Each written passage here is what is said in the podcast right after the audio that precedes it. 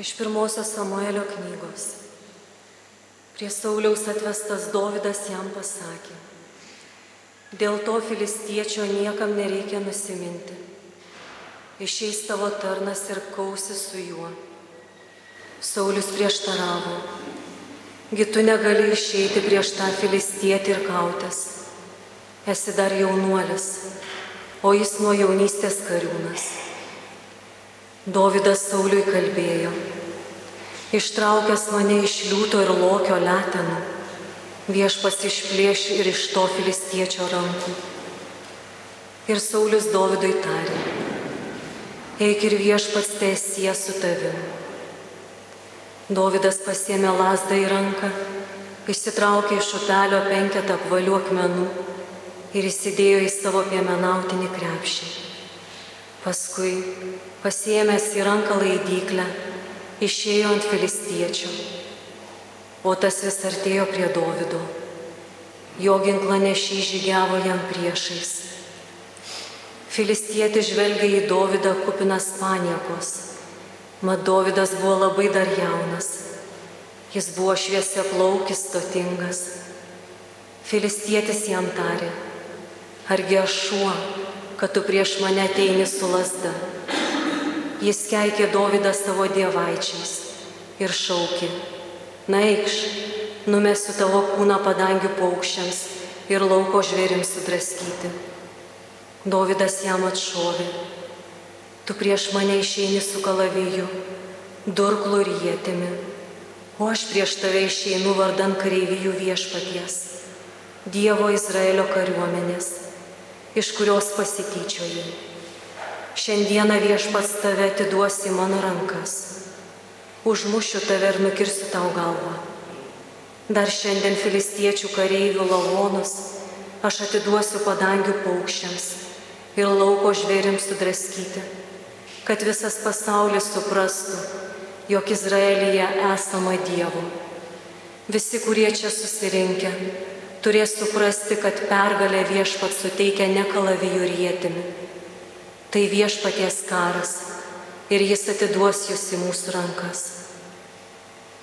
Kada filistietis žygiavo pirmin ir artėjo prie Dovido, šis greitai išbėgo prieš jį iš Izraelitų reikiuotės, įkišo ranką į savo piemenautinį krepšį, išsiemė akmenį, paleido jį iš laidyklės ir pataikė filistiečių į kaktą.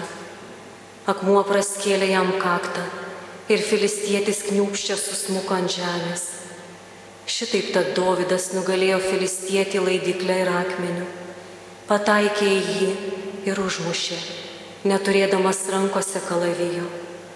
Paskui, pribėgęs prie filistiečio, Dovydas griebė už jo kalavijo, ištraukė jį iš makšties nukirto jam galvą ir šitaip jį pribaigė.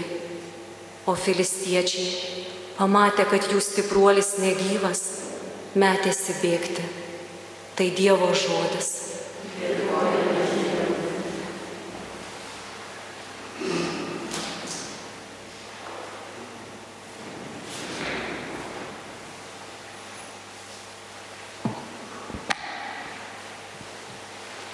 Sure.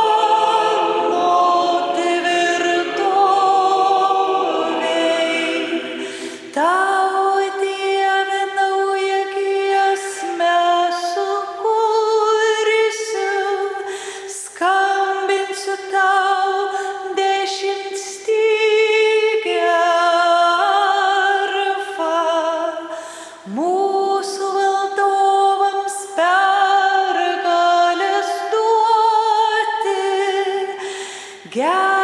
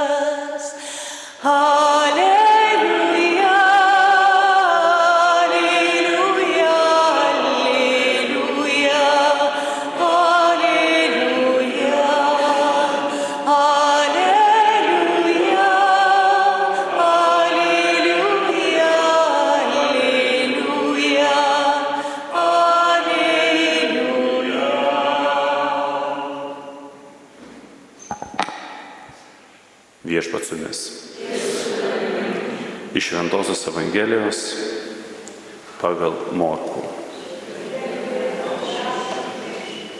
Jėzus vėl atėjo į sinagogą, o ten buvo žmogus su padžiūvusia ranka.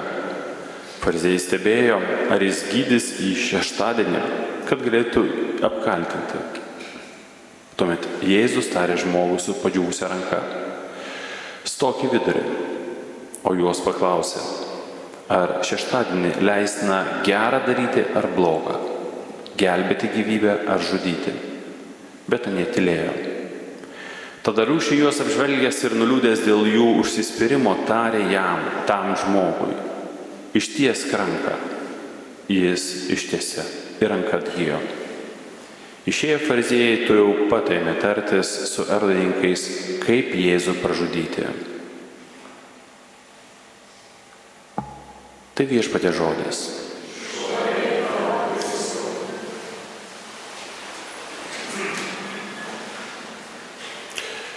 Tikėjimo kelionės pradžioje arba tada, kada patirime mes išbandymus, tikėjimo žvelgiame į pažįstamus arba žinomus žmonės, na, kurie galbūt ilgiau atrodo eina tikėjime arba mums atrodo, kad jos jos tikėjimas yra tvirtesnis ir su tokiu truputėlį kartais to pavydu, ne, vat, vat kaip jam arba jai yra gerai. Vat. Jeigu aš turėčiau tokį tikėjimą kaip jis arba jį, va, tada man nu, būtų lengva, lengva atsispirti, o dabar va, yra sunku, o dabar va, negaliu. Tai nežinau, čia nudžiuginsiu ar nuliūdinsiu. Kiekvienam tikėjimo etapui yra savi išbandymai.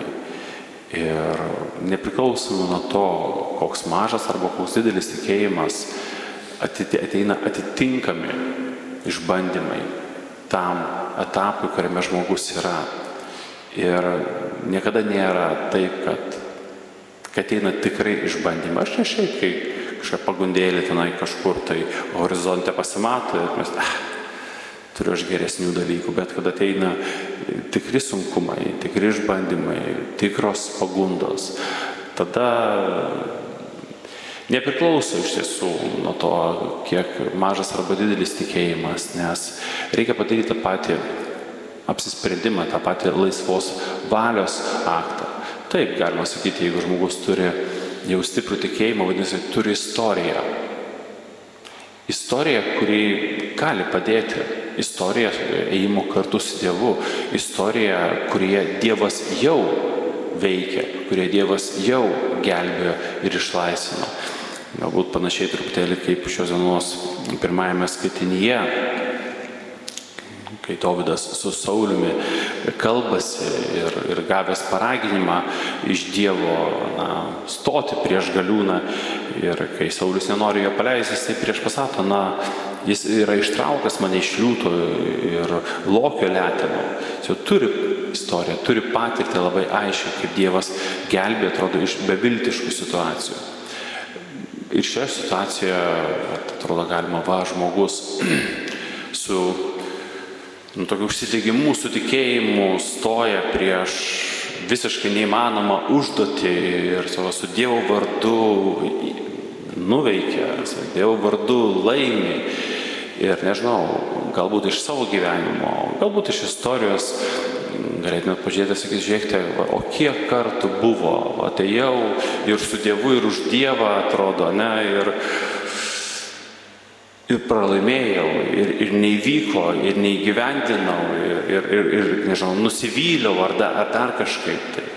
Taip, bet lygiai taip pat galime pirmiausia pažiūrėti ir tai, o kiek istorija buvo ir dar dabar yra daroma baisių dalykų prisidengiant Dievu. Tai, kad kažkas sako, kad tai daro vardant Dievo, tai nereiškia, tai yra tiesa. Netgi jeigu žmogus jaučia, kad tai yra Dievo įkvėpimas, tai irgi dar nebūtinai yra Dievo įkvėpimas. Na, rezultatai jie po to parodo, ar tai tikrai buvo Dievo įkvėpimas. Ir tai mes galime atsiliepti ir tai gali būti Dievo įkvėpimas. Bet, žinote, pradžia drąsi ir gera, bet po to eini ir žiūri, kad nelengvėja. Ir tada atsiranda noras atsitraukti truputėlį. truputėlį kažkaip save patausoti, truputėlį kažkaip tai, nu, praslysti. Ir Dievo valia irgi gali tokiu atveju, kaip sakant, neįvykti dėl to, kad mes nutarėm truputėlį, kaip sakant, savo pasilengvinti, truputėlį paimti gretimą tą kelią. Bet šios dienos šios dienos pirmasis skaitinys mums rodo tą pasitikėjimo svarbą. Dažniausiai, manau, nėra sunku atpažinti e, Dievo kvietimą arba Dievo vedimą. Tačiau kai tas Dievo kvietimas arba vedimas yra tuose ekstraordinariuose dalykuose, tai yra kažkokiuose ypatingose arba radikaliai keičiančios žmogaus gyvenimą, tai manau visą laiką verta yra pasitarti. Pasitarti būtent su tais, kurie jau yra a, ilgiau tikėjimo kelyje, e, tie, kuriems Dievas duoda tą gebėjimą ir gali iš tiesų atpažinti, kur kokia dvasia veikia, kad, kad nesuklystume. Ir šioje vietoje mes taip pat matome, na, ką mes, ko mes sulaukime, kada darome Dievo darbus. Štai Dovydas ateina prieš Galijotą, kuris su panieka žvelgia į jį. Nepriema. Nepriema ne tai kaip kažko verto, na, nepriema kaip lygaus savo kovotojo ir šaipusi iš jo. Tačiau Dovydas nesusviruoja. Ir iš tiesų tas, kas nugali, nugali Dievas jame. Tai, kad Dievas nugali, man atrodo, parodo ir tai, kas toliau vyksta. Įsivaizduokite filistiečių armiją, nesvarbu, kiek joje būtų. Tūkstantis, dešimt tūkstančių, dvidešimt tūkstančių, čia jau net taip svarbu. Bet viena armija stovi ir kita armija stovi. Ir išeina vienas galiūnas, nutvarkoj, ypatingas, kaip sakant, komandoje ypatingas žaidėjas.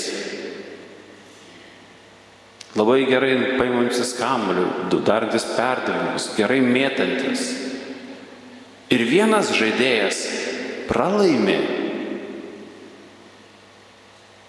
Ir visi kiti pabėga. Šiaip atrodo nelogiška ir kvaila. Taip? Wow, nematėm tokių dalykų. Nu bet nieko, mes jiems vis tiek parodysim. Atrodo, taip turėtų būti. Bet toje pergalėje labai aiškiai filistiečiai, kaip sakant, mato tai, ko negali suprasti ir supranta, kad tai, kas ten įvyko, nėra tiesiog kažkokio vaiko pergalė, nėra tiesiog atsitiktinumas, netikėtumas, kad ten yra kažkas daugiau, kažkas daugiau, tiek daugiau, kad geriau prieš tokią galybę neiti. Dievas ne tik nugali juos, bet iš tiesų išsklaido priešus. Tai, tai galėtų mums būti irgi tas padrasinimas. Padrasinimas nesitraukti iš kelio, padrasinimas klausyti Dievo ir padrasinimas pasitikėjimo, kad tai, kam Jisai kviečia, įsiduoda reikalingų priemonių. Kad ir kaip jos kartais atrodo netinkamos arba atrodo per mažos, neužtektinos, ne, kaip su akmenukais, palyginti su visais kitais dalykais. Bet jeigu bandysime, sakykime, ne, ne, Dieve, čia per mažai, aš dar noriu to, to ir ano, tai bus kaip tam pačiam dobdui, kurį apkrovė visokiausiais šarvais ir jisai net pajudėti negalėjo. Tai ką kalbėt, kad būtų ten išsukęs tą akmenuką. Tai drąsos mums visiems. Nepraraskime tikėjimo, nepraraskime vilties. Ir Dievas taip, kaip veikia tada, kai buvo Dovydas, Dievas tai lygiai taip pat veikia dabar ir šiandien. Amen.